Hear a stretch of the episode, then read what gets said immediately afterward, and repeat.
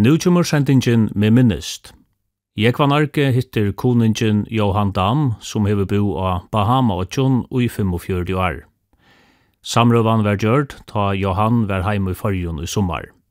Heim komin, gjørdust han og konan heimleis, av rinko øtnene Dorian.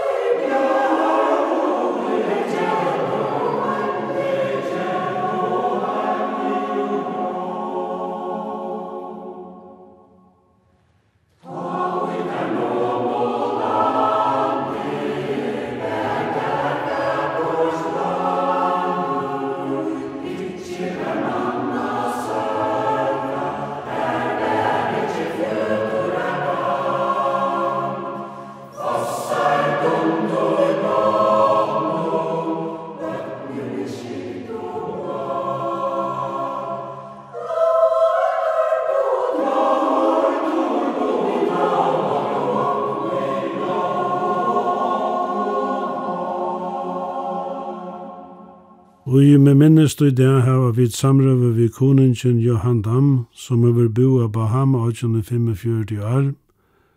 Han var heime ved fyrjen nu om Ålasøk og Monte, og ta nøtti i høve til at hitta Norge Sunden under Kallafyr. Johan grette fra allare søgnare løpslai og i fyrjen og av Bahamas, men løyde var det da okkon at han og konan han lytla mana sattne gjørdest heimleis av Øtnene Dorian, og som rakte heimbojen Marsh Harbour sera meint. Som så mange andre hus av leiene, her ødne var ringast, fåre tarra hus og smilter av vindu og brime. Sjølve var Johan og konan støttene aga over i ødne tjoan en sånne, men her var eisne ringt skil, og tei høttu leida seg sjål og gjennom bile og i heller seg tjant Johan hefur langt arbeidt av flåvøtlenon i Mars Harbour, tog kjent i han flere som åtte flåfør, og vi einan tarra sluppet dei nega kjøtt til Florida, her dei hava eina døtter og en sån byggvande. Hvordan ber det til at du enda i Bahama-økken? Ja, hatt er en gav spårninger. Jeg først som unge til Kips, første fyrir fyrir var i Nuttjaltrus, da fyrir Jans Pettersson, og siltet så nekka i trus og ein trus vi Norrhavnen i Øslandi, av Norrlanden vi Snelle, og så var vi Sjuraberge, og så helt nok den eldste bodgen min at vi sjau meg kan skal være ikke til rette. Og så får vi på handelsskola i tre år. Da jeg var liv i handelsskolen, så får jeg at arbeid av Høysen til Kjølbro. Her arbeidde jeg så i fem år, og det var selvsagt avgifter, og hei ho kanskje at, at så kommer jeg om meg sinter Ta i for ferie, så sier vi Tara Lindberg, som var stjøri her, at ta i for, det jeg var 22, at uh, jeg kom ikke atter, at nå feriene. Og han sier, men hvis du ombestemmer deg, så er du velkommen å komme atter. Og dette var i juni måned og i 22, så, så følte konjar her, foreldrene levde. Og var her i två måneder, la oss spekulere jo i hva, hva ble det neste. Så hørte man jo i Ublarfølge at Fischer Heinsen heier skolen för att börja, Kibara skola i Klaksvik, så helt det att um, det här kanske är inte så gärna. Att färg här under några månader så vet jag vad man dotte. Så jag gick i skola här och fick examina och så var det livet i skolan och i Trojalfjärs. Om häst i Trojalfjärs fick jag chans att färra vid farmarskipet som stod i med i Bahamajanar att cykla. Och vi kom i här i november månad Vi silte så her i fyra månader alt av er. Og møtte jeg en dame som enda er som kona min. jeg først er av kipen i fyra og fjers, i hei ferie fra Røyruinen. Og først er ivraten i september måned.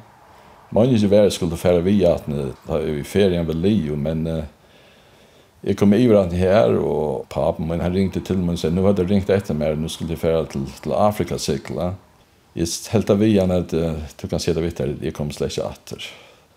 Hetta var i september månad og i november månad giftes vi Karen Albury og her vi bo her så igjen da.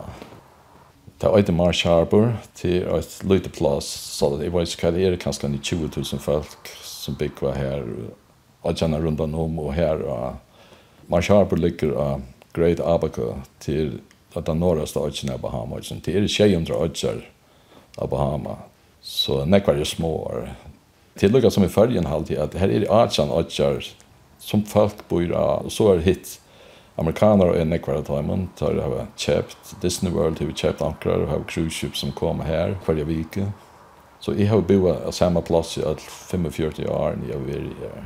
Det er halvt han ligger av tjej og 20 norr og tjej og vester så nøkelanda, så det er nok så fitt norran fyra. Men det røkka voja på Hamarsen.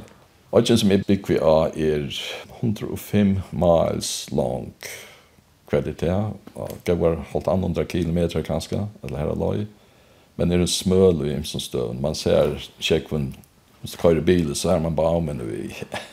Tid uh, ligger ikke så grulig lengt fra øren landen.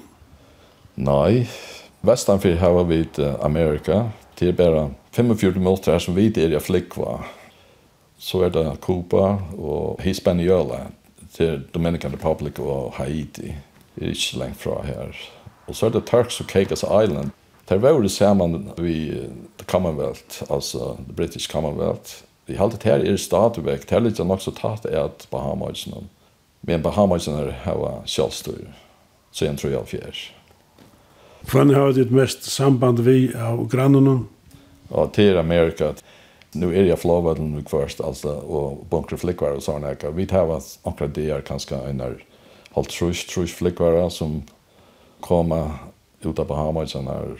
Og den ekva tøymen er altså privat flickvar. Ikke så ekle større. Vi tar siden der om 20 millioner turister av sånne her.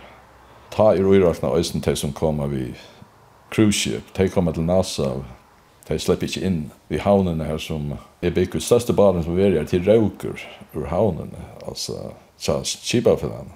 Det var sin sjalsamt for noen år så igjen at uh, tar hadde kjøpt den her til å sikle middelen Florida og Marshall Harbor vid frakt, og så er hørt meg til her i kjennet, og så var jeg nok spent på at den dagen jeg skulle komme, så får vi åmene kajene, og Jo, her var det fem føringar vi, kipar, maskiner og kokker og ankerere i røysene. Og tar vi over så her, jeg bjør dem til kaffe, altså etter det nok snakk var så gjerne. Og det har gått føres prat. Jeg var jo så skøyt etter på ut her, for jeg steg at så var jeg ombord, så sødder jeg, hvis jeg er ombord som du ikke, så sier bare til. Så sier jeg, her var det nekker rastan fisk. Jeg sakna ikke jeg mer enn nekker annet ganske fra før. Jo, tar det en fotlandsekk, og tar det gattnatalg øysene. Og Jeg var velkommen her var det. Så jeg pleide å koka, selv om jeg slapp ikke koka det inn. Koka jeg kvann leier det, en grøypi, og hei gattna til smelt at vi, så det, det var ikke gale. Så hei man er sindra før skal mæte jeg, og ta strekte mer ut av arkaska. Jo, du hitt æra føringar her i vri? Til akkurat familien kommer her, eller nok som nekva familien vil si, Imme og konan og sånt har det her, det var bedre en er tve affyr, og andre bøtje hånden som er gift har eisne vire akkurat Beatles fyrir er ivre. Ja, en affyr var nok så nekkur, det var det, Imme var nok oppjøy at gjøre lekstiet til ta skolen og i Vestmanna var bygd der alt, ja. Og han som stod for arbeidet her, nå minnes jeg akkurat kjenner jeg til, nok som jeg var så gjerne. Han ville gjerne teka heavy harst uh, arbeidsfølget til skolen over livet og en åttanlandsfer, Og de kom så til Bahama og de flo til NASA, jeg halte flo fra London alltid, ja, til NASA direkte, og så en liten flik var herfra til Mars Marshaber, det teker litt av halvann tøyma, eller ja, halvann tøyma kanskje. De var jo så, her, de var jo alltid jeg en tøl og alt, ja, de hadde løylighet her som de bor i, ja, så jeg halte tøymen dem til vel, det er alltid, Jeg har blant navnet, ja, hva det var, men annars har vi ikke møtt nekvun før. Kommer det ikke til Kuba? Uh, nei, jeg har jo ankan det vir, men de røysa øyla nekvu, særlig doktorøren ganske teg herfra, tar sida det tar heva nek bedre doktor av Kuba, og nek boilar i øyne, enn av favitsjer her i Bahamas. Nei, jeg har jo ankan turen vir her. Haiti var fraktan som jeg var vi, vi fører fra Bahamas til Haiti etter last, og så atter til Europa, men jeg, annars har vi ikke vært kan godt huske meg en ferie en tur kanskje til Kuba. Jeg kjenner nek folk fra Kuba som er til nekva damer og øyne akkurat menn som er flotter til Marsh Arbor og bygva her. Vi gifter vi, tar min her så fader opp hans løyve. Hvordan nek folk bor av Bahamasjonen? Vi halte til ligger ut vi 400 000 her og løy, kanskje sinder under, kanskje 34 er herfra og 100 000 kommer fra Haiti. Og lir de fleste innflytere. Tar litt av nek fire. Og til som så er mye av noen til til drukna nek som kommer. Selv om det ikke lengt. Men bare de som kommer vi har byggt sjølver og er vanlig. Kjenner og bare vi sekle og andre motorer og til nek som fest mittlen her. Altså US Coast Guard tar heva skip her og røyna at, at stekka dem. Og Bahama har øyne akkurat Coast Guard skip, men det er alltid något som slipper jøkene. Er Är det ett problem av Bahama och Kjönam vi som inflytaren? Um, ikke bare, altså kriminalitet er ikke bare. Altså, de kommer her og er villige arbeid. Det er det, men uh, problemet er kanskje mer til at de spørste som er 55 % av falskene, de tar det som at de tar arbeid fra tøymen, og de gjør det til en viss annen av Og tei få og kvite for øyne skiltene av det, de takk at de er gjøre garsnararbeid, kjenne. Hine vil ikke gjøre det at tei tei halda nok at de er sinter. Det tar seg nepp i øynene. Han sier det for han er brug for øynene, han er nok større forretning her, at uh, slå gräs og ta rundan om attan framan fyrir og ta Sirius ner han kan slå ta som er attan fyrir men ikkje framan fyrir så så hinner såcha at han gjer hatta arbete tar halta til at det er til innflytaren når det gjør kjenne et Annars er det gøyere arbeid sammen vi tar som kommer fra Itis. Vi tar til 6-600 av farmen som vi gjør på det. det var øyelig gøyere arbeid vi. Det som man bedre om til gjør det der. Det var øyelse vi de innfødte. Det var vi hadde ganske 20 av dem. Tar som korte bilene og trukkene og traktorene. Men harvesten, det var alle fra Itis. Hva gjør det da som farmen om? Vi begynte bare ved gorsken, så lade det stilt om sommaren, men i Nuttjalfjers, da begynte vi å planta frukttrø. Vi hadde red grapefruit og kvita grapefruit og imeslø appelsinen, navel orange, Valencia, og limes og lemons. Vi hadde, jeg vil si, kanskje en halva million trø av imskar frukt. Det var alt flott til Amerika. Det var faktisk Amerika, men som åtte farmen. Og det ble alt flott her inn og pakka her og selt vågjere til staten her her, jeg. Det var nekv arbeid i vi Harvest. Og var det var det appelsiner som ble hentet her, og det var alt. Og om sommar hadde vi lemon och citroner. Lemon var det ringaste för oss vi temmat för eneste en klippast. Sen for citroner här Det när kan ju som, eller här kan slå som blanda vi att det håller det där samma kan sen citron och ett lemon men det är inte. Lemon här är golar eller det här är farvajer och snäll. Gas dem ut alltså för att få ta gola liten. Men citroner är grönar. Ja, och som sommar så var det grapefrukt. Allt var jag kipa. Alltså vi hade och räkna bara att han tog om 400 tons allt, ja. Eller 500 kanske 1000 kassar allt. Det var halvt tons kvar kasse och han Silde tvär och trutja från vikerna fotler att och fram bara vi frukt. Så det var, det var en sant arbete vitt och så tjekk så väl allt vax. Hur så komst du i arbete här? Det kom av det samma att det samma kompaniet som Silde 4 ta, och ösen till att kona min åtte bara en bodja og han var han var kontor med och tjata man. Så at um, da jeg kom i vraten, i september måned, så giftes i november måned, og de startet i Harvest i december måned. Så sagte han om arbeidsløyve, det skal man helst hava, var permit, og jeg tror at han sagt i øyne for tar som kommer fra IT, det er ikke alle som var kommet av lovlige, som var kommet i kjennet, lovlige inn på beboeren. Så fikk han det nok så kjøtt, og jeg minnes til at det kostet 25 dollar, og det var nok for 8 år arbeidsløyve. Så det var äckliga boiler. Nå ser jag att boiler sammanfärger kanske tusen dollar for åtta år agentin. Så arbeidde jeg med å sende opp, og så kallte jeg grev, og kikk en av tog. Men jeg skulle fornøyde arbeidsløyve i akvarien året. Dette var den første forskning ganske. Og så nå skulle jeg tenke meg året for arbeidsløyve til at det var heavy equipment work. Så nå kort jeg greia og kikk. Og så fikk svaren, han fikk så brev fra Tøymen at 1000 dollar var arbeidsløv for i året. Så sier det vi igjen at hvis du ikke først hatt en ny retten, ja, til det vi er, så stinger jeg og til det siste når vimmer. så det er veldig veldig arbeid. Han fikk det atter nye i Vestakland, nydelig her. Og så skriver jeg en film i Øysten om å få permanent resident. Og da var det til jeg, jeg ikke vil gifter noe lunch. Det skulle være halvtid tjej år, åtta år eller också året. Så jag tänkte att det är amerikaner och är som kommer här and they just get married because it's easy to get straight. Convenience. Jag känner och så skiljas där men så har det ratten. Jag lyckas väl permanent. Så jag han sökte jag, ju så jag tror ju fortsatt det där. Tar vi blir gift kväll. Nu tjej. Ta fick ju så papper permanent och vi ödland ratten som tar här var åtta. Det var aldrig kom så jag inte lov att välja jeg var ikke spant en serie jeg tog alligevel. Så, så jeg har permanent resident her og, og borgere rett her. Og det kan du få ikke vi førskene eller danskene i Ja, ja, det er ikke problem. Til det jeg lærer alltid. Altså, jeg, da jeg først er det nå, så må jeg ha det gamle passet ved meg. Her har vi visa inntil 2023. Men passet gikk ut. Da vannet jeg var det 20 år i sen. Vi tar jo tro i bød, Og her er nok så mestlet av Bahamøysen at man føler ikke stadigvæk hever mer rett enn konefolk hever. Jeg tror at jeg var utlendinger, så hvis bøttene kommer her, så kommer det ikke på hjem igjen om de er født her. Da de er kjenner det gammel, så kan styre her avgjøre om de.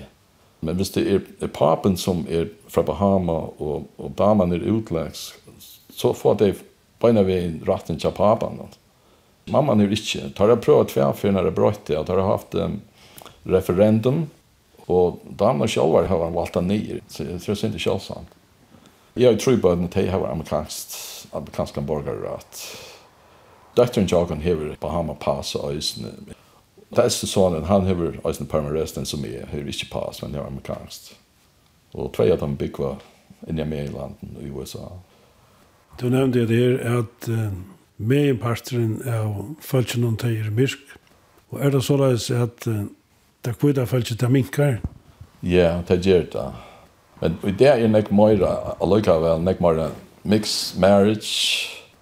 Da jeg kom iver her, bare, så vidt det var bare øyn kanskje som konan kommer kjente som en dama som hei en, en myrskan mann, men nu er det nok så vanligt. Og Det ser ut til at de kommer veldig ta ut av til såleis. Jeg kjenner flere. Det er enkla atterlige som hever more liberal. Hvem er kona din atta? Hon er født og oppvaksen her i Marsharbor av Abakva. Og hun bor alt sitt liv her. Folk som hon er, av?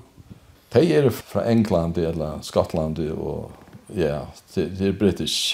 Bahamas er vore inntil 1973 under British Commonwealth anker sagt nok det saunen sett i ankant i iver iver England, iver British. Ta för ny rangstans så lustar några ärstanar sen i Australien, Bahamas någon ett lika det skulle vara. Og er nek vi ensk avskanar iver framveis? Ikke så nek, nei. Jeg vil si nesten inte. Nesten inte. Ta jeg kom ta var lærere og politi og immigration custom. Det var allt engst, og det er fullkomlig brøyt. Samme vi følte som arbeid i banka, og tar tarvare bankmanager, British, og det er det tar myske herfra som er i vitt ikke alt det. Og så langt arbeidet du i hesten her landbunegnen? Jeg arbeidde i, i 25 år. Det var nok en strap var det, men de til det øyla vi hadde stått litt. Man plantet jo et appelsintre, et eller et sitrontre, et eller annet grapefruit, altså. Så jeg rakna vanliga fyra till fem år så har det frukt. Och det växer öliga gata just nu. Det är mer öliga gata. så har stått lite av oss vi. Jag vet inte om jag ska säga där sövna som man är kvui att det inte helt av fram. Jag var här i följen och jag halte det var i 2,5 Og ta var jeg assistant manager av farmen her som jeg arbeidde. Ta er så for å stå at pappa min dag i 3 og og mamma var stadigvæk av løyve. Og hon var begynt å bli gammel, og da jeg før så sier hun det ved meg at um, nu var ikke så at jeg atter i hesare verene. Så sier vi henne, mamma, ta i to fytler halvfems, så kom jeg hjem at. Og dette var en halvfems hadde det vært. Og til det langste middelen jeg har vært, vanlig var det, jeg kjenner, tro til fem år i middelen. Og så i 1995 så sier vi, vi tar det at, nu får jeg Jeg får meg ferie i august måned, og færre følger i ferie ta, og om det var leie, jo, så det var leie. Kånen får så, og et siste barn henne er hei travel agent her, og hun kom igjen så øyelig om tilbøye, men det skulle kjøpes den dagen, dette var i juni måned, jeg skulle ikke stå for i august måned. Det skulle kjøpes i juni måned, og nå når du fant, det var i Ankland og så her så vi smekka ut til, och så allt var läge. Så nu narkas land august månad nu må man si at det kan ikke fære ta, jag det hette det the busiest season. Men är har bestemt mig för att fære litt av alt. Och jag var glad vi gjør det och jeg er etter, så døg hun, en av fem år gammel. Så jag vet lära på en den första skulle flickva. Ta flo han hackste som var Evil Farmon från Amerika tar det der egna flickvara och han kallade mina kontor och gamla brev och började läsa det. Så läser jag att jag har sagt mig själv när jag arbetar till för mötet tar jag vilja. Så säger jag att jag har bil från Taimon som kör till Arbois. Så säger jag, fan kan jag köra mig hem. Tackar jag för mig. Och förra stedet dagen efter kom till följare. Onkur her i har sagt okkur som visste om det at det er ikke alltid ikke tegner noe arbeid enn til å si mer fra. Så jeg gjerne lenka søve stått ta i sukkum ivratni så seg vi enda ner Randy Kia han, han er pjøy Imeskund. tar har farmakip her, tar han över eh, privatskola, high school.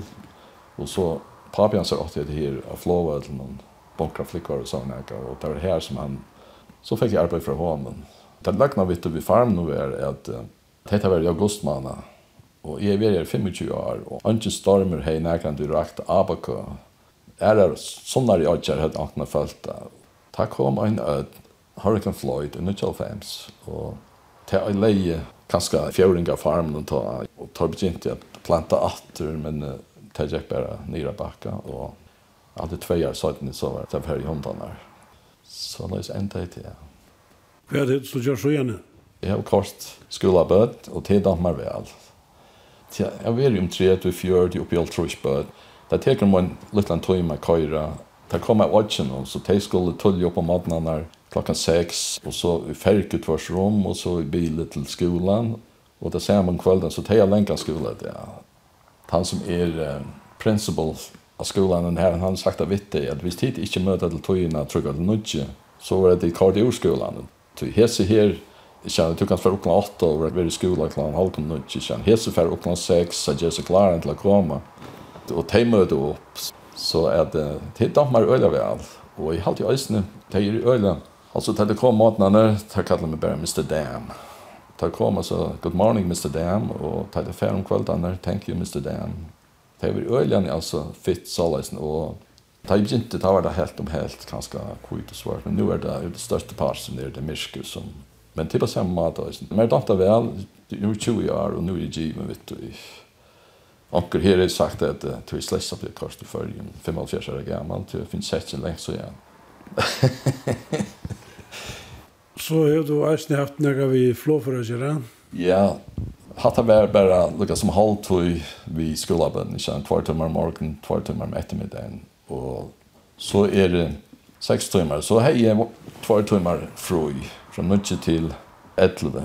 Så får jeg flå av en til 11 og arbeid her en en trøy, og så atra køyre. Her er noen store flikker som kommer, altså ikke kanskje store som Atlantic Airways, men uh, tar flikker fra Atlanta, Georgia, kvann det, tar teka om halvfems folk, og så flikker det øsne fra North Carolina, tar teka om mine trusk, tar det nesten begynter, og vi bunkra tar Og så er det et smarre selskap som flyr, men tar det en ekvar lille flikker som teka 4-3 folk, Silver Airways, og det, amerikansk fjell, Om sommaren har vi där 8 till 12 flickor om det är igen. Då tar flickor från Orlando, Florida, Tampa, Jacksonville, Fort Lauderdale and West Palm Beach. Det är näck folk som flyr här om sommaren igen. Jag tror vi är näck i Amerika.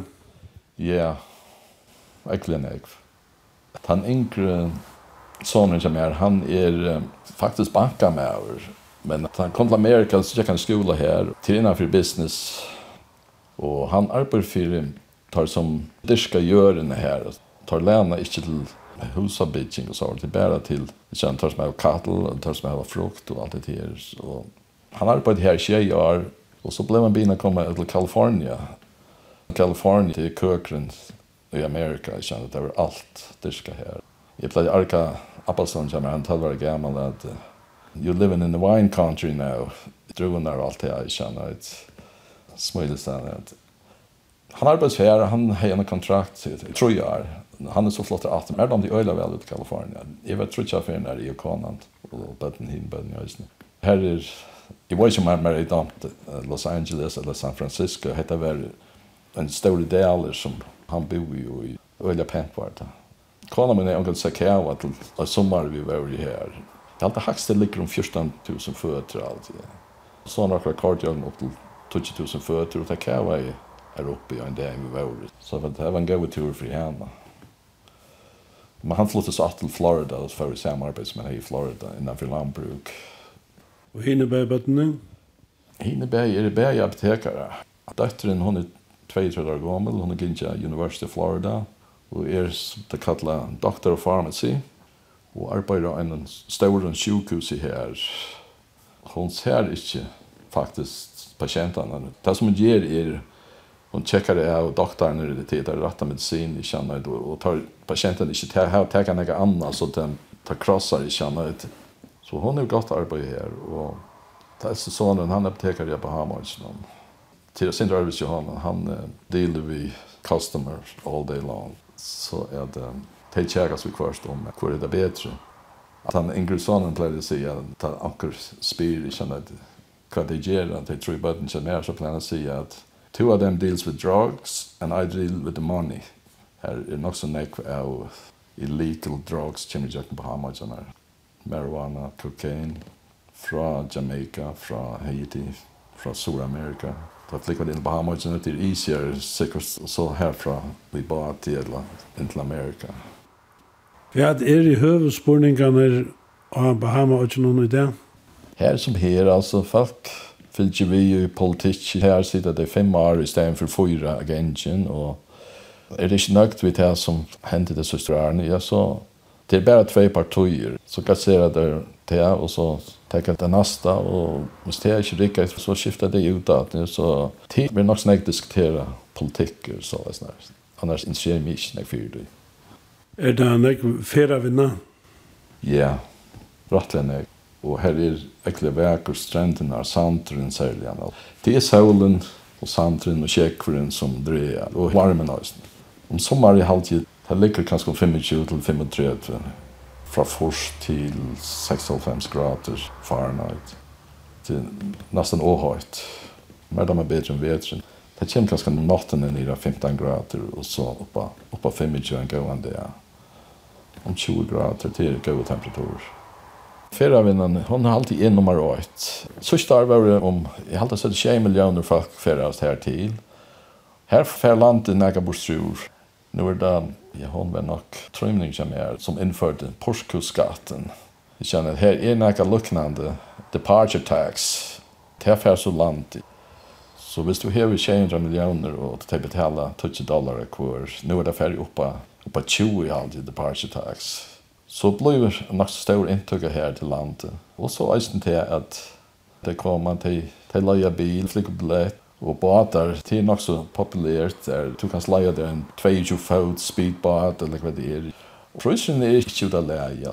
Vi tar åkne gjørs det eisen. Du fart en båt om nødstund morgenen, skal ha en 18-4 om kvalitet, kostar det 200-300 dollar og så bensin som du brukar. Så det er øyne nektor Selv om hvis det er mer enn en familie, så kan det bo i det til en middelsøgn. Og så har det også nisse katamaran, tar i det sinte finner, og tar det nok så dyrer, men her en tølv folk kan skal sove, og stedet for fra hotell, så kommer en tvær trutja familier inn, og, og løyer en, en sånn, Og de kunne lika bonden alla vikna hvis de ikke, og ikke det er færre en tur mellom hina og rødkjennar, så kunne de få altså en kipare, eller at de kunne sikla sjolve hvis de klarer det ikke så strengt ved at uh, man skal ha alt i orden når man fyrer. Sindra av fiskevinni av det reisende? Ja, lobster, ti er nummer 8. Ta det til fiskevinna. Det er nok som jeg driver. Det er nekva familier som lever av tog. Ti lager fiskar fra 1. august inntil 31. mars. Og så er alle mai maimane, juni og julemane, sesongen stand, tar ikke live. Ja, ja, tar færa i 14, 16, 18 føtter, 10 boats, och ha ett möjlighet. Så här var det två man så kvar i baden. Annar dykkar och hin passar um, kompressaren. Så tar det dykt ner kanskje fjers fors føtter. Til nekvar som klarar trushfötter freediving. Men tar kan ikke være lunge ner Til spjälfiskar så tar kan vi spärra opp i en, två eller tre minuter sen. Det er nere her i 15 minutter vi kompressar. Jeg tar det her var gå för tjena så det her var där. Banche var hit, men det var väl snäcka oss ner. Skjuta pengar, white money. Men det är alltid till nog EU och Amerika och tar som rena att få det här under kontroll, att det inte är. Så det är ju bankar nu som har lediater till att det samma.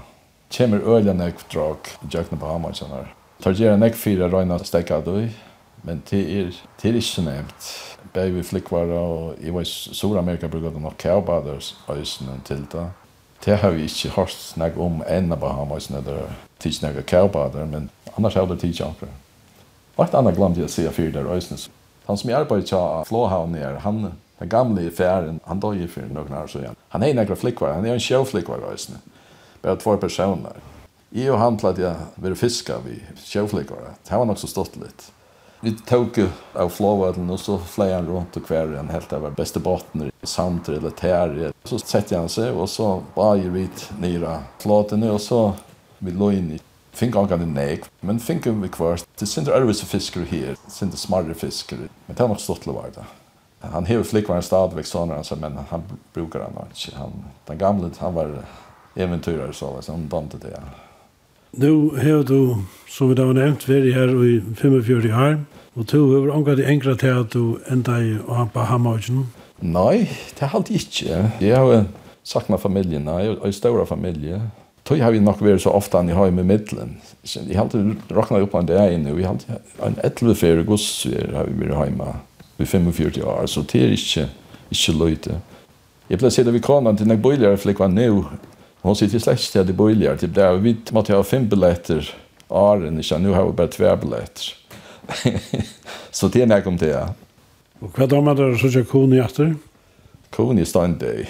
Vi var touch session i Shanghai. Nå har det nog en bøyling til. Kjenner du ganska til. Jeg kjenner ångan som bor her. Ta i ferie ha Så får jeg kalla ikke nian her til heim i huset, og så er jeg bo, og så når huset er tvei hus, og her er tvei folk, og etter hver husen. nå. Og heim hus er på samme måte. Her er det seks tjej hus ganske, og fleste husene er bare åtte folk. Akkurat er vi i Angebød og Surjabø på samme måte. Men damer er vel å komme atter her som man sleit på atna skal gå her. Stottla suttja, altså man kjenner hver inn i kjenner. Det er grunn at man tar i heim. Kanskje for til konjer til. Så bare suttja, alt ser det samme ut. Og tid til spalte vuja? Å ja. Vi tatt fra fjøri i fjall. Han just spelade till spön den långt. Om hästarna i känner så gick vi visst mycket åt sådana vad gör, för att fläkta sådana Så kan han dock en vägkrav där spelar vi.